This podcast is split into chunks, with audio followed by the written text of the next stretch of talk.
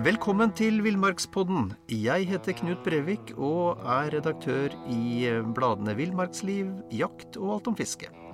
Og jeg heter Dag Kjelsås. Jeg var redaktør før Knut ble redaktør. Og jeg eh, farta litt ute, jeg også, i likhet med Knut. Dag, i dag skal vi snakke om å gå seg bort. Tåka kommer sigende, du aner ikke hvor du er, og det lir mot kveld. Og jeg veit at du har virkelig gått deg bort en gang. Har du noe mot å fortelle den historien? Du tenker på Hardangervidda? Jepp. Ja, eh, som du veit, jeg, jeg ville ikke fortelle det til noen i mange, mange år.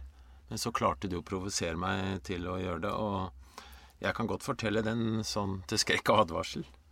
For jeg trodde jo at jeg kunne alt når det gjelder friluftsliv, og så legger jeg ut på en tur til ei selvbetjent hytte. Det er reinsjakt, og det er to timer å gå til den hytta. Og jeg hadde fått klar beskjed av kjentfolk om at den var oppe. I sekken hadde jeg nesten ingenting, for jeg skulle skyte rein og bære med tilbake. Halvveis så kommer det altså mot meg en vegg så svart, så jeg, det er den ene gangen i livet jeg har opplevd akkurat det uværet som, som man eh, innimellom hører om. En helt svart vegg. Det snør, sludder, ekstremt. Eh, jeg mister stien. Jeg har kompass. Eh, like før jeg skjønner at nå, det, nå, kan det bli litt krise her, så tar jeg ut en kompasskurs.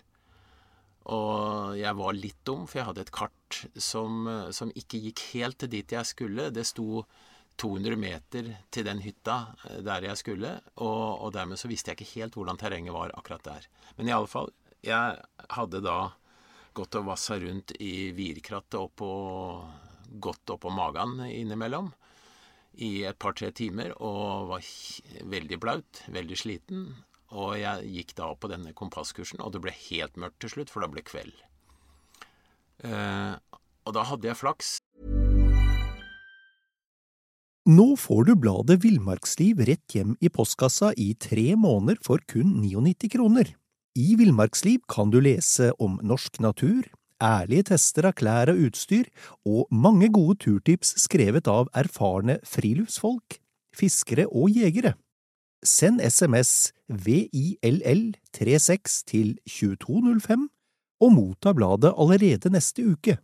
Lev livet villere med bladet Villmarksliv. I'm Sandra, and I'm just the professional your small business was looking for. But you didn't hire me because you didn't use LinkedIn jobs. LinkedIn has professionals you can't find anywhere else, including those who aren't actively looking for a new job but might be open to the perfect role, like me. In a given month, over 70% of LinkedIn users don't visit other leading job sites. So if you're not looking on LinkedIn, you'll miss out on great candidates like Sandra. Start hiring professionals like a professional. Post your free job on linkedin.com slash people today. Jeg gikk faktisk nesten så jeg stanga i hytteveggen. Og overlykkelig så går jeg fram til døra, og så viser det at den er stengt da med svære beslag og bolter. og der, der, står jeg da med de klærne jeg har på meg, klissblaut. Jeg har ei tørr skjorte i sekken. Det er alt jeg har. For jeg skulle jo inn, mm. jeg skulle varme meg. Jeg hadde med penger for å kjøpe mat, for det er jo mat på sånne hytter. Mm. Og hva gjør du da? Så tenkte jeg jeg må jo finne en løsning, for nå fryser jeg, og det er, blir natt, osv. Ikke noe folk i nærheten, naturligvis? Nei, nei. nei. Så, så, jeg fant da et uh, gammelt sauefjøs som hadde ramla ned, egentlig. Men det var litt ly inni et hjørne der, og litt grann tak over der de ikke hadde ramla helt ned. Mm. Og der ble jeg sittende, og Kort fortalt så overnatta jeg i en, en sånn sekk med den tørre skjorta innerst, og hutra meg gjennom natta, da. Mm. Og dagen etter så var det da til ja, skal vi si ti centimeter over kneet med blautsnø ute. Ah. Sauene hadde dratt ned fra fjellet, lå rundt hytteveggen, og, og jeg visste at den veien jeg kom, den var veldig mye lengre enn å gå direkte på kompasskurs, og så var jeg redd jeg skulle rote meg bort med å gå i eh, svinger osv. Mm. For meg forholdsvis ukjent terreng. da. Mm. Så jeg gikk direkte på kompasskurs. Og da eh, var det bratt, for å si det mildt. Så jeg klatra meg oppover fjellsider, og, og, og på toppen så var det jo da tørr snø, så jeg ramla nedi, til, så jeg måtte rulle meg ut. Og ja, det var Jeg, jeg brukte krefter så det holdt. Og da kom jeg i et tilfelle i veldig eh, kraftig snøvær til et punkt hvor jeg, det var et eller annet som sa meg 'nå må du bare stoppe'. Ok.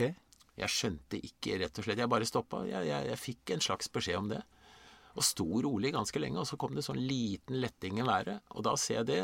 Hvis du går tre skritt til nå, så ramler du 50 meter rett ned. Eh, jeg, eh, ja, jeg kom meg iallfall Jeg var heldigvis i ganske bra form, så jeg kom meg til slutt fram ved å gå intenst på kompasskurs. Og da var jeg så sliten at det- var noen som påsto de hadde møtt meg i stien like før den hytta jeg hadde gått ut fra, hvor jeg skulle tilbake. da. Okay. Og da hadde de snakka til meg, og jeg hadde bare gått videre, så jeg måtte hoppe unna i stien. Ja, For du har ikke noe, husker ikke at du har Nei, møtt dem? jeg, jeg huska ikke den siste delen av dette her. Og de, Ja, hadde du noe, la meg spørre om det, hadde du noe mat med det? Jeg hadde en eh, sjokolade eh, som jeg så, så, så, på, så på skal vi si de seks timene jeg nigikk, og, og de tre-fire-fem timene jeg gikk før jeg kom fram til den overnattinga jeg hadde, Ja. så, så hadde jeg én sjokolade, da. Så jeg var jo litt sulten nå, da. Men i alle fall, jeg, jeg kom meg tilbake til den hytta, og jeg husker ingenting. De påsto de hadde fått i meg litt varmt og uh, hive meg i seng, da. Akkurat. Ja. Men, men så, så ut på neste dag, da.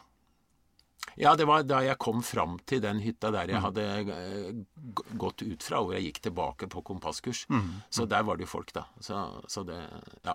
Men dette er sånn Dette kunne jo like gjerne gått riktig galt. Ja, hvis jeg har vært i dårligere form, eller hvis jeg hadde hatt uflaks der jeg gikk på kompasskursen og ramla utfor noe. For det, det var altså det Når det virkelig hoier av gårde i fjellet og, og snør tett, og så du kniper i øya, du ser Ja, ja. knapt noen få meter foran deg når det er sånt vær. Så det, det var kanskje dumt av meg å gå den eh, siste runden, men jeg var så innstilt på å komme meg tilbake, for da ville jo kanskje bli leteaksjon og sånne ting. da. Ja, ja, ja. Men du, når, når du innser at du er i, i, i tøft vær, holdt jeg på å si, eller innser at du har, gått deg bort, hva er, det, hva er det viktigste du skal gjøre da? Jeg har en gang også gått meg, gjort, eh, gått meg bort på New Zealand. Ok. Og da satt jeg på en topp, og jeg begynte å bli nervøs. Jeg skjønte jeg hadde gått meg bort. Ja. Og da dunka jeg meg sjøl i huet og sa nå må du huske på regel nummer én. Slapp av, prøv å tenke klart, og resonner og, og bruk huet. Ja. Ikke få noe slags panikk. Nei. Og det er et, eh, et veldig bra tips å, å, å passe på at man, man prøver å tenke fornuftig. Hva, Hvor kan det ha skjedd en feil? Ja.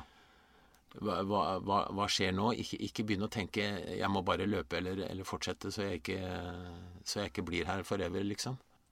Nei, for det verste som kan skje, er vel egentlig at du, du får panikk, og tankene begynner å surre, og du risikerer å, å rote deg enda lenger bort og gjøre situasjonen enda vanskeligere. Ja, det du da ikke minst gjør, det er at du sliter deg ut hvis du begynner å, å, å løpe eller gå veldig hardt uh, i feil retning eller i ring, eller hva som nå skjer. Og etter at du har, eh, etter at du har satt deg ned, klarna tankene så godt du kan, hva bør du så gjøre? Da syns jeg det er viktig å, opp, å, å gå opp ruta i huet. Eh, Hvor skjedde det en feil? Hva husker jeg eh, sist at, eh, at var på, Når var jeg på trygg grunn, sist? Mm. Og eventuelt da finne veien tilbake dit. Det, det, det er en veldig god regel, men, men så, så er det jo ofte sånn at du har surra litt for lenge, så du er ikke sikker på hvordan du skal komme dit. Og da, da må du prøve å bruke andre kjennetegn i naturen, eller, eller finne noe som kan hjelpe deg, da. Men, men sånn, jeg tenker sånn helt generelt så er det vel også en god regel når du ferdes i fjellet eller skogen, og med jevne mellomrom å snu deg og ta et, og få et overblikk, og, Ja. og bite deg merke i ting. Ja, og det er utrolig viktig, fordi du veldig ofte skal du gå tilbake andre veien. Og terrenget ser eh, litt annerledes ut da. Snu deg. Se, når jeg skal tilbake, så ser jeg da er det fjellet der på høyre side, osv. Elva renner der, osv. Mm, Eller så er det jo kjennetegn i naturen som er viktig å, å merke seg, sånn som elver, bekker, eventuelt veier, eller, eller hvis det er fint vær, da, fjell eller andre kjennetegn. sånn at du, du på en måte danner deg et bilde av et kart i huet. Så selv om du ikke vet hvor du er, så ser du kjennetegn fra det kartet du har i huet. Hvis du da ikke har et, et papirkart eller en GPS, så du kan finne ut på den måten, da. Og og så, og så er det klart, hvis det er, hvis det er eh, sol, så er det jo greit. Da har du jo sola å gå etter. Ja, hvis du bare tenker på det at sola flytter seg på himmelen hele tida, så du Ja. ikke liksom eh, hadde sola til venstre da du gikk ut om morgenen og, og skal ha den på høyre når du går tilbake. Det er ikke helt der. Men, men sola er jo selvfølgelig veldig viktig å, å bruke. Og så har du en annen ting også som Jeg sier ikke at det er en sikker metode, men den har hjulpet meg noen ganger, og det er vinden. Hvis det er stødig, rolig vind, og ikke varsla noe veldig omvelt, omveltninger i været, så har du vinden fra ei bestemt side, og så kan du bruke det også lite grann, men ikke stole 100 på det, da. Nei. Um, og la oss bare ta hovedprinsippa rundt solens oppgang og nedgang på våre breddegrader, Dag. Ja, den kommer vanligvis opp i øst og går ned i vest, Ja. og så er den eh, i, i senit midt på dagen, da. Ja, i sør midt på dagen. Ja. Sånn cirka rundt 12-1, litt avhengig av om det er sommertid eller ei. Ja. ja. men det er greit å repetere sånne ting. eh, greit. Og så er det et fenomen som vi begge, eller det jeg vil tro alle har opplevd det. Vi går i ring. Ja, og det er en, et merkelig fenomen eh, som man kanskje ikke helt har den biologiske forklaringen på, men det kan være at vi er litt sterkere i den ene sida enn i den andre. Men eh, jeg har sjøl gått i ring i eh, det, det var et merkelig tilfelle, for det var et fjell som var magnetisk. Altså det var malm i fjellet. Så jeg gikk med på kompasskurs, og så gikk jeg i ring og kom tilbake der jeg hadde vært. Eh, Det det var en litt spesiell måte å gå i ring på, da. Men da var faktisk for én gangs skyld kompasset feil. Men ellers så er det jo utrolig viktig å huske kompasset eller GPS-en har vanligvis rett. Ja. Og i ring, det går du om natta, eller når det er tett tåke. Eh, Ja. Eller altså kort og godt når du ikke har noen ytre referanser å orientere etter. Ja, flate områder på ei vidde f.eks. Det er Ja. typisk at du kan gå i ring, men, men eh, du kan også gå i, ganske, gå i ring over ganske korte områder òg. Det trenger ikke være veldig store ringer. Du kan gå en ganske liten ring også, hvis du går og surrer litt i bjørkekratt osv. Ja, ja, ja. Er et fenomen som, eh, som jeg har lurt på i alle år Jeg har til slutt funnet ut at det ikke finnes, men, men det er Enkelte påstår at de har et indre kompass. Hva tenker du om det? Eh, hvis jeg hadde vært fugl, så hadde jeg vært ganske sikker på at det stemmer. Ja. Eh, jeg tør ikke å påstå at jeg har vært borti noen som har det. Nei. Nei. Men, men, men man, altså man får jo en slags følelse Etter å ha gått i naturen et liv, så, så får man en slags følelse med ting. Men uh, om det er et indre kompass eller hva det nå er, det, det skal jeg ikke påstå. Men det sikreste er faktisk å bruke fornuftige metoder, som uh, å studere terreng og uh, en, en, Noe som er helt sikkert. Hvis du går nedover, gjerne langs en bekk, så kommer du Ja, til slutt kommer du til havet, da. Men Ja, ja. det kan bli langt. Men i alle fall så kommer du da veldig ofte til veier eller folk. Ja. Men, men det, er jo, det er jo et av de, syns jeg, virkelig gode og trygge Hvis du helt er på, på Viota, følger du, følger du elv en bekk, så går du nå i hvert fall ikke i ring. Og som du sier, før eller siden så, så krysser det gjerne en, en skogsbilvei eller et tråkk eller et eller annet som du kan ta deg langs. Ja, men jeg, jeg har vært borti ett tilfelle hvor et menneske faktisk gikk oppover og var såpass fortvilt antagelig at det med at eh, vannet renner nedover, det ble ikke godtatt. Nei, men det kan jeg relatere til. Jeg har vært så forvirra i høyfjellet en gang, jeg. Og, og det er nesten pinlig å si. Jeg var så overbevist om hvor jeg var, og de naturlige tegna stemte ikke. Så jeg et øyeblikk så vurderte jeg kan det være at denne elva renner oppover. Ja, men altså Jo, men det er sant. Og, og til slutt så sa jeg Knut, nå må du ta deg sammen. Elver renner ikke oppover. Nei. Ja, men jeg var, jeg var helt 180, 180 grader feil. Jo, men altså, det, det, hvis du blir fortvila nok, Ja. så er det et eller annet i hjernen som eh, ikke er helt med. Nei. Faktisk.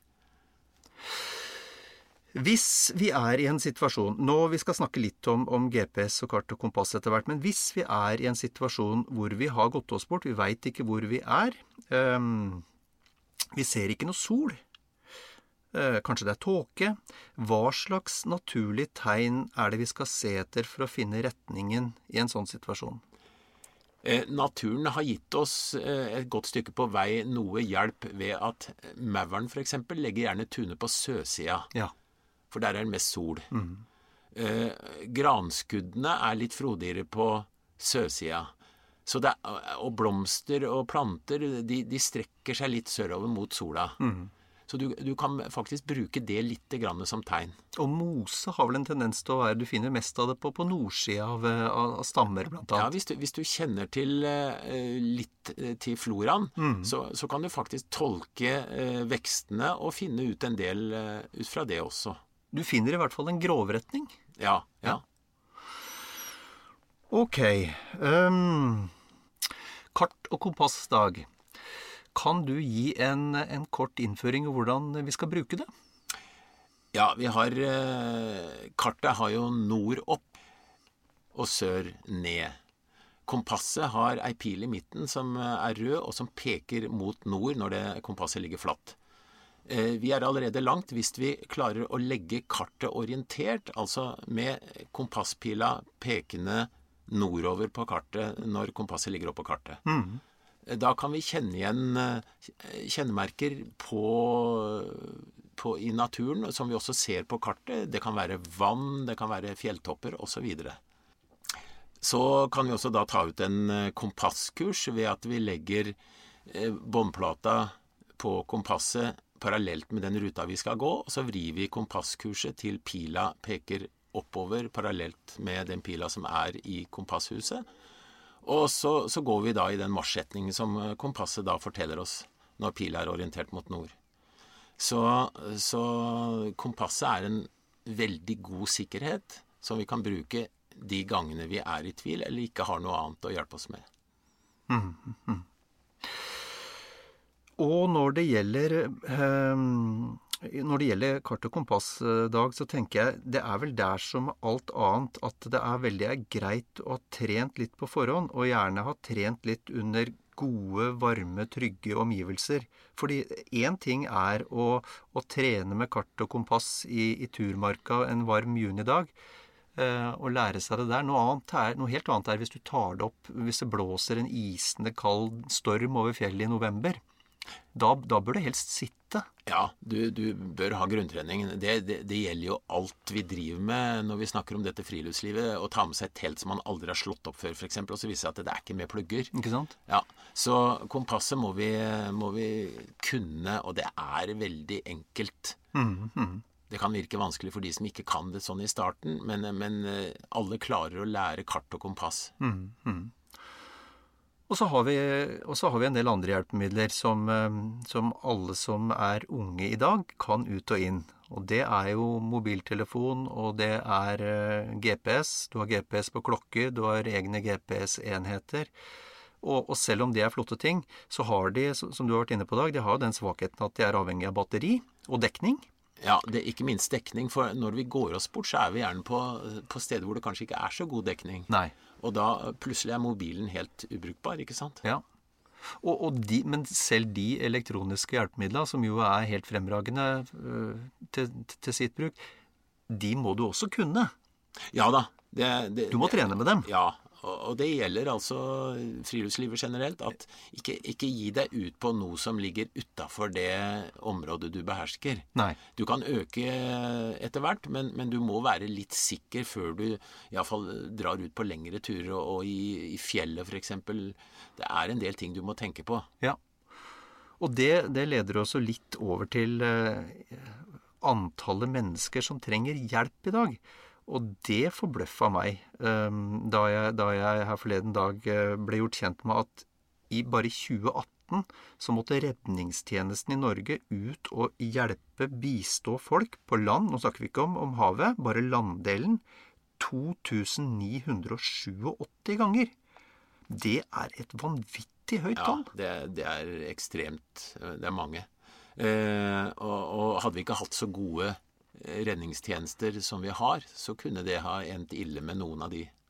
Ja, ja, det er jo én ting. Vi har, vi har, altså, det er jo en fantastisk, eh, fantastisk, del av Norge. Det er jo redningstjenesten. Det er, det er fjelltjenesten, Røde Kors, Folkehjelpa, eh, Hovedredningssentralen. Altså, det er jo en, en gedigen dugnadsinnsats, eh, hovedsakelig, som gjøres for å, for, å, for å trygge folks ferdsel ute. Ja, og i tillegg så tror jeg også det er veldig utbredt eh, i kameratflokker, jaktlag osv. at man er innstilt på å trå til. Eh, du var med en gang hvor et menneske på vårt jaktlag gikk seg bort, husker du det? Mm, mm. Og da var altså alle med med en gang. Én gikk opp på en stor høyde og tente et svært bål. Mm. Vi andre vi gikk ut i uh, forskjellige retninger, ropte, lette. Mm, mm. Uh, for, for, det er den som er ute om natta og er litt usikker og, og, føler seg både redd og i det hele tatt alt er elendig, og du, du blir negativ hvis det går veldig gærent, mm. og kanskje er du skadd, mm. da er det ikke noe gøy. Men når du skjønner at andre er ute for å hjelpe deg, så, så, vil det ofte da føre til at du kanskje hører eller ser noe som gjør at du skjønner at ok, det er hjelp på vei. Mm, mm. Og så er det en del eller Ikke en del, men det er en del av folkesjela vår. Eh, så i fjellet hjelper man, man hverandre. Ja. Man stiller opp for hverandre, naturlig nok. Det er jo helt selvfølgelig. Men, eh, men det gir seg også utslag at vi i tillegg til, tillegg til det private, da, eh, den enkelte, så har vi en voldsomt svær og stor organisert, eh, stort organisert hjelpeapparat. Ja. Jeg bor i en, en, liten dal hvor det er 600 innbyggere, og det var en som ble borte her en gang. Mm. Ja, alle som kunne røre seg nesten i den dalen, var ute og hjalp til å lette. Ja.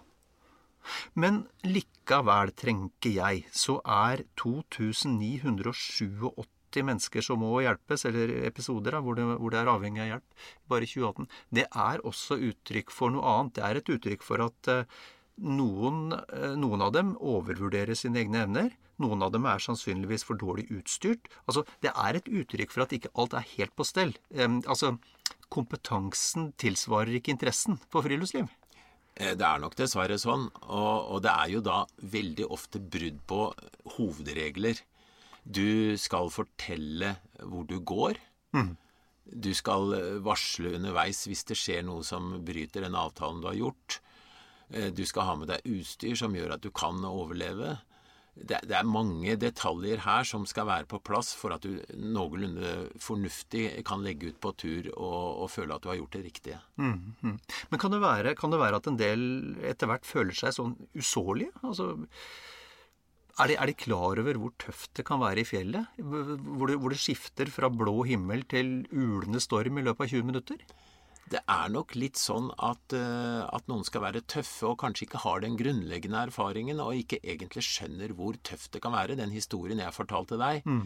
den viste jo at det kan være helt ekstremt vanskelig og forferdelig å, å finne fram osv. Mm.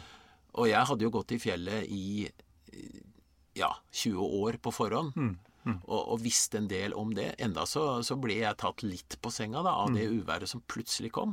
Så vi skal være forberedt på at ting kan bli veldig eh, ille, mm. selv om det er fint vær. Ja, for det, det, det, kan gå fra veldig fint til å bli rent ut sagt brutalt, altså. Du, du klarer ikke å øye opp engang. Du ser Nei. knapt en meter foran deg. Nei, altså høyfjellet er noe helt spesielt. Der kan det bli Og kysten også. Ja. Absolutt. Ja, la oss snakke litt om kysten og havet, Dag. Det har vi ikke vært innom. Nei, det Vi har vel begge, om ikke kjempa for livet, så iallfall opplevd at, det, at, hjertet sitter litt oppi halsen. For det plutselig så, så kommer det sjøer som du ikke hadde drømt om for bare noen minutter siden. Blir helt svart. Ja. Men, men, det med å Ja, det, jeg, det husker jeg fra de første åra jeg holdt på å jakte sel. Og det var, det var sånn temmelig tett på en gang, altså. Rein uforstand. Jeg tror jeg fortalte deg det før, men jeg, vi skulle altså ut og jakte sel, havert. Og hadde fått lånt oss en 14-fots båt, men det var helt vanvittig, selvfølgelig, med en eh, hestekrefters motor. Og kjørte rett ut en time. Det var jo fint vær. Kjørte rett ut i, i havet en time og halvannen. Ute noen fleser der. Uh, og heldigvis så hadde vi ikke helt kommet fram til de flesene hvor selen var, da. Og da Det slo altså om så raskt. Det ble helt svart. og så kom bølgene. Ja. ja. Og da eh, Båten ble sånn eh, vi, vi klarte å holde oss sånn noenlunde tørre. Vi, vi, vi skjønte jo at vi var ille ute, så vi satte jo kursen mot land med en gang. Um, med en liten båt og, og høye bølger og krappe bølger, så vi, vi hadde jo en del vann i, vann i båten. og og var vel egentlig begge to, vi som var på den turen, eh, overbevist om at det, det her kunne holde hardt. Og det hadde det nok gjort. Og hadde det ikke vært for at vi tilfeldigvis kjørte oss på et oppdrettsanlegg hvor det var ei eh, Jo, det er sant. Vi fikk karra oss inn til langt uti havet. Kara oss inn til et oppdrettsanlegg. Ja. Eh, og, og, og, og satt der til det, til det verste hadde gitt seg etter noen timer. ja. Galskap, vet du. Totalt mangel på, på innsikt i, i hvilke farer som lurer på havet. Ja, det er, det er viktig å ha veldig stor respekt for eh, naturen, og det gjelder ikke minst havet og fjellet. Men sånn i forhold til havet, eh, for der har vi også, der har vi også litt av den samme problematikken i forhold til å gå seg bort da, eh, når du er ute i båt. Eh, Hva, hvilke, hvilke problemer er det vi møter der? Ja, det er jo eksempelvis havskodde, da.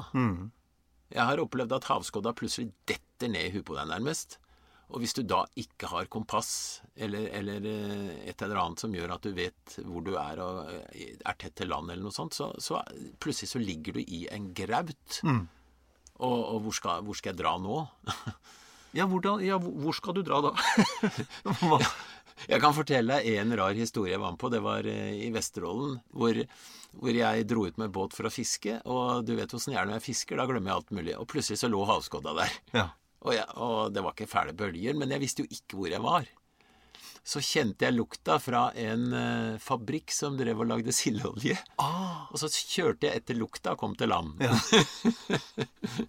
men men det, det er en, et eh, engangstilfelle. Det, I utgangspunktet så skal vi være våkne for eh, det været som kanskje snart kommer. Ja. Kikke, se hva skjer nå, og forte oss til land hvis vi ser at det er et problem på vei. Ja. Og det kan være enten eh, økende vind, eller det kan være havskodde som begynner å dette ned. Og så er det i, i forhold til når du er ute på sjøen eller havet, da, så er det også veldig greit å, å, å være oppmerksom på at den mobiltelefonen som du stoler blindt på resten av, resten av tida Og du kan gjerne ha batterikapasitet i flust igjen også, men det er så som så med dekning. Ja, og det, det, er, det er mye som kan gjøre at du ikke får eh, forbindelse. En annen ting er hvis du ligger f.eks. i dårlig vær og det skummer og sprøyter og sprutter, så om du vet noenlunde hvor du er, så er det en, båt, en liten båt veldig vanskelig å finne for de som skal redde deg òg. Så det viktige er at vi rett og slett er fornuftige i huet og ikke tar sjanser og, og ser på været. For, for det, er, det er jo en sånn gjennomgående råd uansett, tenker jeg, hvor du ferdes. Og du har respekt for omgivelsene. Eh, prøv å tenke litt fremover. Følg med på været. Og for guds skyld ikke ta noen sjanser. Det er det ikke verdt. Nei, det, det, det er ikke flaut å snu, altså. Nei. Ok. En ting eh, som vi også må, må prate litt om, det, her, eh, det er det med utstyret, Dag. Hva skal du ha med deg? Og, og, da, og nå er jeg på land igjen. Eh, Hva skal du ha i, i sekken? For det, det, det kan jo hende man kommer ille ut, eller roter seg bort, eller, eller, eller må overnatte. Det kommer jo litt an på lengden av turen og, og området du er i. For det er jo noen steder det faktisk er nærmest garantert at du klarer å, å finne tilbake om det kommer regnskur eller, eller kulde eller hva det nå enn er. Men eh, på, på turer i litt tøft terreng og litt lengre turer, så er det alltid lurt å tenke at været kan bli i nærheten av vintervær. Uansett om det er sommeren. Eh, Det gjelder å ha vindtett og vanntett til å ha ytterst, og så er det isolasjonsplagg. Og gjerne også tørt ullundertøy som, eh, som vi da trenger hvis vi går oss våte eller, eller blir våte. Eh, så, på, og ekstra sokker også. Det er ikke noe gøy å gå kliss blaut på beina heller. Så, så tøy er nå én ting. Og så er det det der med vanntette fyrstikker. Å kunne lage bål, og gjerne også noe opptenningsmidler i form av briketter eller eh, never. Sånn at du kan eh, Du kan brekke et bein, da. Og om det så er en, en rolig tur i, granskau f.eks. Det høres så sikkert og trygt ut, men hvis du brekker et bein og det begynner å regne, og der ligger du, det er ikke noe ålreit. Og da vil et bål kunne gi deg varme, og i noen tilfeller også kunne lage røyksignaler hvis, hvis det er snakk om det. Og det gjør noe med humøret ditt. Altså du blir positiv, optimistisk. Det å få varme og, og lys. Ja. Eh, I tillegg til det å holde varmen, da, som er eh, veldig viktig, så er det det med å ha føde og drikke. Ja. Eh, I Norge er det jo sånn at vi er vant til å drikke fra bekker, men vi skal være klar over at det fins muligheter for å, å få skikkelig magesjau hvis du drikker av en bekk hvis det ligger en død lemen litt lenger oppi der. Eller en, kanskje et, et dyr som har dødd. Så å ha med litt drikke på flaske, det er ålreit. Og så er det det å ha med seg eh, energi i form av ei, minst ei ekstra pakke med brød eller annen næring som gir deg styrke. Nøtter, sjokolade Sjokolade gir deg sånn veldig puff til å begynne med, men så blir du litt tammere etterpå. Så Ja. det er sikrere å gå på brødmat, havregryn og, og sånne ting. Og det, det å ha tilgang til litt, eh, litt ekstra energi, hvis du har med deg ekstra matpakke eller noen pakke med kjeks eller noe hva som helst, det har jo også en sånn Det bety, har jo også en betydning for det mentale, altså måten hodet ditt fungerer på. Det gir energi. eh, Energi til hodet. Du tar bedre beslutninger. Eh, Hvil og mat og drikke, det er positivt. Og det, det, det setter en litt annen stemning med en gang. ja. Nå får du bladet Villmarksliv rett hjem i postkassa i tre måneder for kun 99 kroner. I Villmarksliv kan du lese om norsk natur, ærlige tester av klær og utstyr, og mange gode turtips skrevet av erfarne friluftsfolk, fiskere og jegere. Send SMS VILL36 til 2205 og motta bladet allerede neste uke. Lev livet villere med bladet Villmarksliv. I'm Sandra, and I'm just the professional your small business was looking for. But you didn't hire me because you didn't use LinkedIn jobs. LinkedIn has professionals you can't find anywhere else, including those who aren't actively looking for a new job but might be open to the perfect role, like me. In a given month, over 70% of LinkedIn users don't visit other leading job sites. So if you're not looking on LinkedIn, you'll miss out on great candidates like Sandra. Start hiring professionals like a professional. Post your free job on linkedin.com/people today. Jeg liker også å ha med, eh, holdt jeg på å si, selv om jeg veit hvor jeg er, og selv om jeg veit at det bare skal være dagsturer, så har jeg som regel også alltid en, en fjellduk liggende. Ja, å ha med seg en I dag får du tynne sommersoveposer som praktisk talt ikke veier noen ting. Ja. Å ha med den, ha med en liten plastflik som er stor nok til at du kan dekke deg i den. Ja. En, en svartpose er faktisk nyttig, altså den store søppelsekken. Ja. Eh, eller en, en duk som du kan eh, bre over deg og krype inn i. Eventuelt et enmannstelt, eh, litt avhengig av turen du er på, men, men et eller annet som gjør at du kan søke ly ved hjelp av det du har med deg. For det er ikke alltid du råker borti et tre som gir eh, beskyttelse, eller en stein du kan krype under. Nei. Nei, altså tenker jeg det, det å bære med seg Si, si at det blir en fem, seks, sju, åtte kilo, ni kilo, da. Det er jo, det er jo overkommelig eh, for de fleste av oss. Ja, og jeg tror det at hvis du, hvis du velger det letteste av de hjelpemidlene vi snakker om, inklusive maten, så kommer du veldig langt med en si tre-fire kilo òg. Det er utrolig mye du får med deg da, for du tenk bare på et isolasjonsplagg i form av ei sånn lett, tynn dunjakke. Ja, Det er en smart ting å ha. Og, og en, et ytterregntøy som faktisk er også veldig lett. Ja. Så, så du, du kan velge type klær og hjelpemidler som veier lite hvis du skal spare på vekta, og det vil jo de fleste. Ja, og, og hvis så galt skulle være da, at du må tilbringe, tilbringe natta ute, eller kanskje to netter også, eh, da er alt viktig som du har med deg. Og bare det å ha med seg en eh, to ganger tre meter presenning, som jo veier nesten ingenting, i bånn av sekken, er jo, vi er jo helt avgjørende. Kjempeviktig. Ja, det, det er eh, Ja, det, vi har vært på tur sammen, vi, Knut Ove. Vi har sittet og prøvd å lage bål mens det høljregner og er fem varmegrader og vi er gjennomvåte. Da satte vi ganske pris på at vi hadde litt grann ekstra. Husker du det? Ja, ja, ja. Vi satte også veldig pris på den presenningen vi hadde med. Ja, ja. Så eh, når man har opplevd noen sånne runder, så, Ja. så skjønner man hvor viktig det er å tenke på det lille ekstra som er i sekken. Ja. Du, du nevnte i stad at uh, vi bor i et land hvor det kan være vintervær når som helst. Og det, det minner meg om en, eh, en hendelse en, en bekjent av meg var ute for. Men han var unnskyldt, for han var fra Australia. Oh, ja. Han skulle, han skulle på høyfjellet i juni. Det var helt, uh, han hadde ikke snakka med meg om det i forkant, i hvert fall. Dette er mange år siden, sikkert 30 år siden. Um, og han dro på høyfjellet, og det var veldig godt og varmt nede i bygda da han dro. Han dro på høyfjellet i kortbukse, T-skjorte og med telt og, det, og en matpakke og skulle overnatte, og det var i grove trekk, det.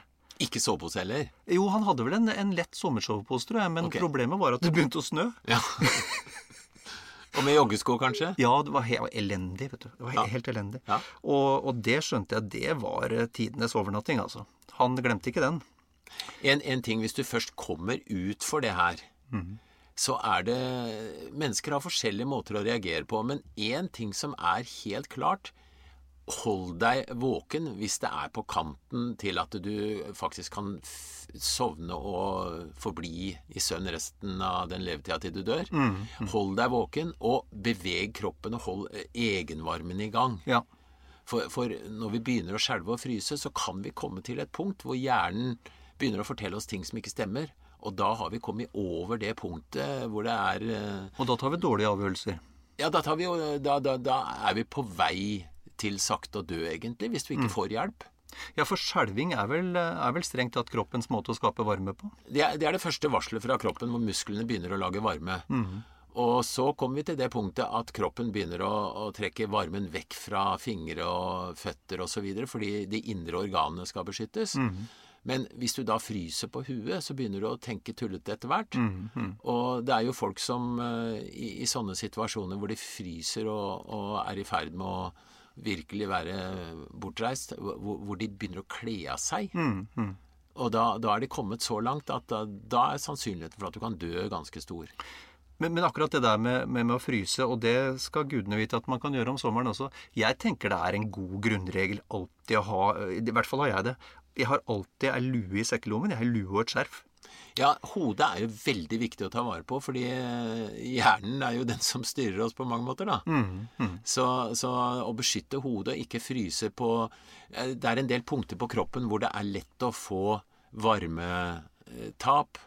Og, og det gjelder ikke minst hodet og, og også ansiktet, men eh, nederst på armene, hendene og på, på føttene selvfølgelig også. Men, men det er viktig å beskytte disse feltene som ofte er åpne når vi går til vanlig, så vi ikke får mer varmetap enn eh, nødvendig. Og eh, plastpose Altså hvis du har, hadde maten i en plastpose som ligger tom i, i sekken, så kan du faktisk dra den over hodet for å unngå eh, vindtrekk hvis du ikke har noe annet. Ja, altså bruke, bruke fornuften i forhold til å, å løse problemet så godt du kan, da. Og så er det, og så er det jo en sånn opplagt ting, tenker jeg, eh, at man på forhånd sier fra hvor du drar. Altså sånn at hvis, hvis så galt skulle være, altså har i hvert fall eh, dine venner eller din familie har et utgangspunkt. Ja. Og, og da kommer det også inn et annet punkt. Det er nemlig at eh, jeg skal på fisketur. Sier fra til eh, noen at jeg skal på fisketur, og jeg kommer igjen i kveld. Ja. Og så biter fisken så eventyrlig bra, så jeg tenker nei, jeg blir til i morgen. Da har vi brutt en viktig regel. Hvis vi har lovt og sagt vi skal komme tilbake til et eh, tidspunkt, så må vi holde det også. Da er det bedre faktisk å si at eh, jeg kommer igjen i kveld hvis fisken ikke biter. Men hvis det er bra bet, så kommer jeg ikke før i morgen.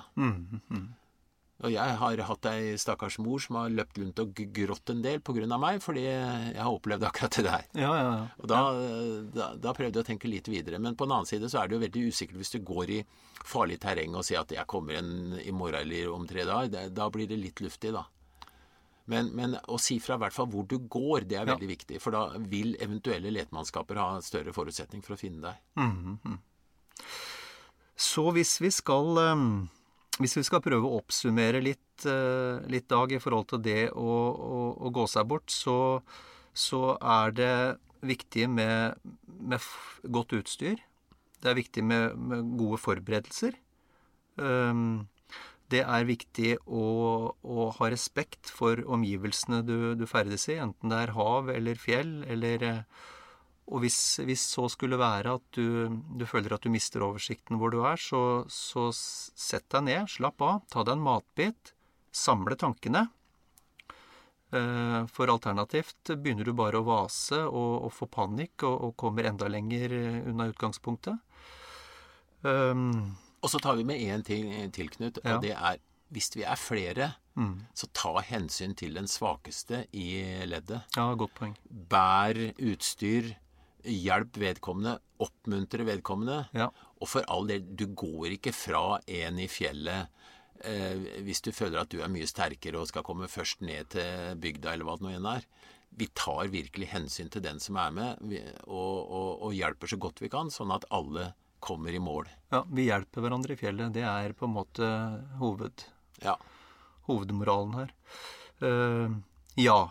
Og, og naturligvis uh, som en hovedregel ha med, seg, ha med seg, litt ekstra, sånn at du i, i verste fall kan, kan, overleve greit en natt ute. Selv med litt kuldegrader. Tenk at det verste kan skje i forhold til vær. Det er en god hovedregel. Mm. Bare sånn før vi, før vi runder av, hva, med din erfaring både med jegere og fiskere og, og turfolk Og nå, nå, tenker jeg ikke på, på, utenlandske turister, for de er, måte, de er på en måte unnskyldt. De kan ikke bedre. Men, eh, eller har ikke noen forutsetninger for å skjønne hvor, eh, hvor raskt været kan snu i Norge. Men, eh, men hvilke, feil, hvilke, feil, er det vi norske friluftsfolk oftest gjør? Jeg tror nok det er en del som overvurderer seg sjøl. Ja. I forhold til Eh, kreftene som er i naturen, eller hvor langt vi skal gå, eller hva det enn gjelder. Mm. Eh, fordi, fordi vi, vi, møter av og til veggen, altså. Ja. Og, og, hvis du er utmatta, hvis du har gått tom, som vi sier, så er det ikke gøy å prøve å nå et mål som du vet egentlig er mye lenger unna enn det du burde valgt. Nei, nei. Så, så ikke overvurder deg sjøl sjøl om du er i god form, og sjøl om du føler at du kan det her. Nei. Og så er det også veldig greit Nå har jo toppturer har jo blitt uh, veldig populært, og det er jo en, en, fantastisk ting. Det er jo fabelaktig at så mange har lyst til å gå i norske fjell. Men, men, det er klart at det er greit å ha i mente at når du er på toppen, så er du kun halvveis. Ja, det er En ting som er viktig, og som ikke alle er klar over, det er at jeg syns iallfall det er mye verre å gå nedover enn oppover. Ikke sant? Og, og, hvis du får vondt i kneet på halve, halvveien opp til toppen, ja. da skal du snu. fordi når du skal gå ned igjen, så gjør det iallfall ikke noe bedre i kne, og kne blir ofte verre når du går nedover, så da kan du ha kjempeproblemer. Og får vi en skade når vi først er inne på det, så, så må vi huske på det at knopp, kroppen er ikke er ikke lagd for å overleve alt mulig av det vi har lyst til at den skal gjøre. Hvis det virkelig skjærer seg, så er det greit å snu. Mm. Rett og slett. Ja. Og på vei ned så er muskulaturen ofte sliten og støtter litt dårligere opp, og du blir litt sånn nedalaus og Ja. Og, og, da kommer vi også inn på en annen del av dette her, nemlig du må ha litt ekstra tid. Ikke, ikke beveg deg i et område hvor du veit at du må, alt må klaffe for å komme ned mens det er lyst. Nei. Eh, ta, ta, høyde for det at det kan komme noen flere skyer eh, enn beregna, bli litt mørkere, litt tidligere mørkt. Mm. Eh, så, så ikke, ikke dra det for langt når det gjelder tid på dagen, når du, når du, beveger deg ute på, i, i, sånne forhold. da. Nei. Du, er, det, er, det, knapt med tid, så start heller tidligere på morgenen, og ikke sats på at du kommer inn akkurat før det blir mørkt. Nemlig. Ja. Ok, da må vi bare understreke, Dag, at dette, det vi har snakka om nå, har ikke på noen måte vært for å skremme folk. Eh, for det er fabelaktig fint at folk vil ut i fjellet, ut i skogen eh, og være aktive. Men det er, det er, ikke så veldig Det er ikke så veldig mange grepa du skal gjøre før at det blir en trygg og fin tur, kontra at du kanskje setter i gang et svært redningsapparat som må ut og kikke etter deg. Ja, altså, vi, vi, vi skal jo bare fryde oss over at mange liker å gå i fjell, i natur, mm. Eh, for den saks skyld på sjøen. Eh, men, men det er det å ha respekt for, for, vi er små i forhold til naturen. Mm. Og, og, det er ingen grunn til å skremme folk av den grunn, men ja. at vi bruker huet litt. Ja. Så, det, enkelt, så, enkelt, er det. Det har aldri vært eh, det dummeste du gjør. Da tror jeg egentlig bare vi, eh, ønsker folk en riktig god tur. Ja, at de må holde hodet kaldt og være godt utstyrt og, og ha fabelaktig fine opplevelser i norsk natur. Ja, Bare ikke hodet blir for kaldt.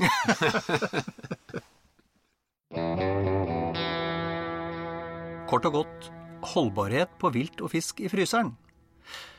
Dag. Nå skal vi ut og, og skaffe til veie både fisk og vilt, og det skal etter hvert i fryseren. Ja. Hvor lang holdbarhet har, har de ulike typene vilt og fisk? Det kommer veldig mye an på hvordan du fryser ned, hvilke typer fryser du har, og en del sånne elementer. Fordi hvis du putter en fisk i fryseren uten å pakke den inn, en feit fisk f.eks., Ja. da er den ødelagt i løpet av et par måneder. Eh, Ikke ødelagt, da, men det er iallfall mye vondere enn ja. om du oppbevarer den riktig. Ja. Hvis du derimot eh, pakker den fornuftig, og da snakker jeg helst om vakuumpakking, okay. og i forholdsvis tykk plast, eller boks et eller annet som er solid og ordentlig, så holder altså varene seg mye, mye lenger. Ja, og, og la, oss, la oss holde oss til feit fisk, da. Hvor lenge, hvis du har vakuumert en, en laks f.eks., eller ei kveite, hvor lenge holder den da? Det anbefales tre måneder. Eh, Jeg vil si, hvis du gjør det ordentlig, ett år. Jeg har en gang spist en laks som hadde ligget i fryseren i seks år. Oi. Da skar jeg av den ytterste halve centimeteren, og det som var inni da, det var spiselig, ikke veldig godt. Seks år anbefaler vi ikke, med andre Nei, nei. nei, fisk bør vi spise opp i løpet av det første året, syns jeg. Det, Ja. Unntakene kan da være veldig eh, Sånn som torsk, som ikke har mye fett. Den, den kan holde ganske lenge. Ja, for det er der forskjellen ligger mellom fisken er feit. For jeg, jeg har alltid hørt at feit fisk bør spises i løpet av et halvt år, mens mager fisk kan du, kan du vente vesentlig lenger med. Ja, det er jo fettet som gir eh, dårlig smak. Altså Fettet oksideres og harskner, rett og slett, hvis det kommer til luft. Og da kommer det med vakuumpakking inn som veldig viktig. Ja, for det er lufta her som er helt ødeleggende. Lufta ødelegger i stor grad, ja. Ja. Eh, Men det er jo grenser for hvor lenge du kan oppbevare ting, for det vil alltid kunne skje en slags oksidering. Men, men få ut lufta, enten med vakuumpakker eller ved at du stikker et sugerør ned i plastposen og suger ut all luft, og så klemmer til med, med teip eller strips eller noe rundt. Akkurat. Du nevnte frysetemperatur og, og type fryser. Er det noe, holdt jeg på å si, er det noe anbefalt temperatur der? Det er vesentlig forskjell på kjøtt og fisk som ligger ved 18 grader minus, og det som ligger med 25 grader. Okay. Det holder mye lenger jo lavere temperaturen er. Eh, Så jeg anbefaler å skru på fryseren på det kaldeste du har i reguleringen, eventuelt kjøpe en fryser som kan skrus ned litt lenger enn de vanlige fryserne. Nettopp. Og det, nå har vi snakka litt, om- litt om fisk, vi må si litt om vilt også. Nå er jo vilt generelt magert, men det, men det fins jo, jo Vi har jo uh, villsvin, eksempel, Ja, som vi er litt fett på. Hva er holdbarheten der? Jeg har ikke problemer med å spise ei rype som har ligget tre år i fryseren. Nei. Eh, Men her gjelder jo det som det gjelder med fisk òg. Det er jo best når det er relativt ferskt, da. Ja. Og ikke har ligget for lenge i fryseren. Ja. Men, men jeg syns en, en mager elgsteik f.eks. kan godt ligge et par år i fryseren helt uten problemer. Ja. Ja, for egen regning så kan jeg føye til at eh, jeg har spist en ytrefilet av en elg en gang, som, jeg, som hadde ramla bak eh, i en del av fryseren jeg vanligvis ikke var. Og den spiste jeg etter syv år. Ja. Og den smakte veldig godt. Ja. Og jeg veit det ikke er anbefalt, men, men, det, hold- men, men magert viltkjøtt holder lenge. Det må være poenget. Det, det er helt klart. Nå kjenner jeg at jeg blei litt sulten. ja, det er bare å gå i fryseren og finne noe som er godt pakka og har vært kaldt. Nå får du bladet Villmarksliv rett hjem i postkassa i tre måneder for kun 99 kroner. I Villmarksliv kan du lese om norsk natur, ærlige tester av klær og utstyr, og mange gode turtips skrevet av erfarne friluftsfolk, fiskere og jegere. Send SMS VILL36 til 2205 og motta bladet allerede neste uke. Lev livet villere med bladet Villmarksliv. Mom deserves the best, and there's no better place to shop for Mother's Day than Whole Foods Market. They're your destination for unbeatable savings, from premium gifts to show-stopping flowers and irresistible desserts. Start by saving 33% with Prime on all body care and candles. Then get a 15-stem bunch of tulips for just $9.99 each with Prime. Round out Mom's menu with festive rosé, irresistible berry chantilly cake, and more special treats. Come celebrate Mother's Day at Whole Foods Market. Hey, it's Paige DeSorbo from Giggly Squad. High quality fashion without the price tag. Say hello to Quince.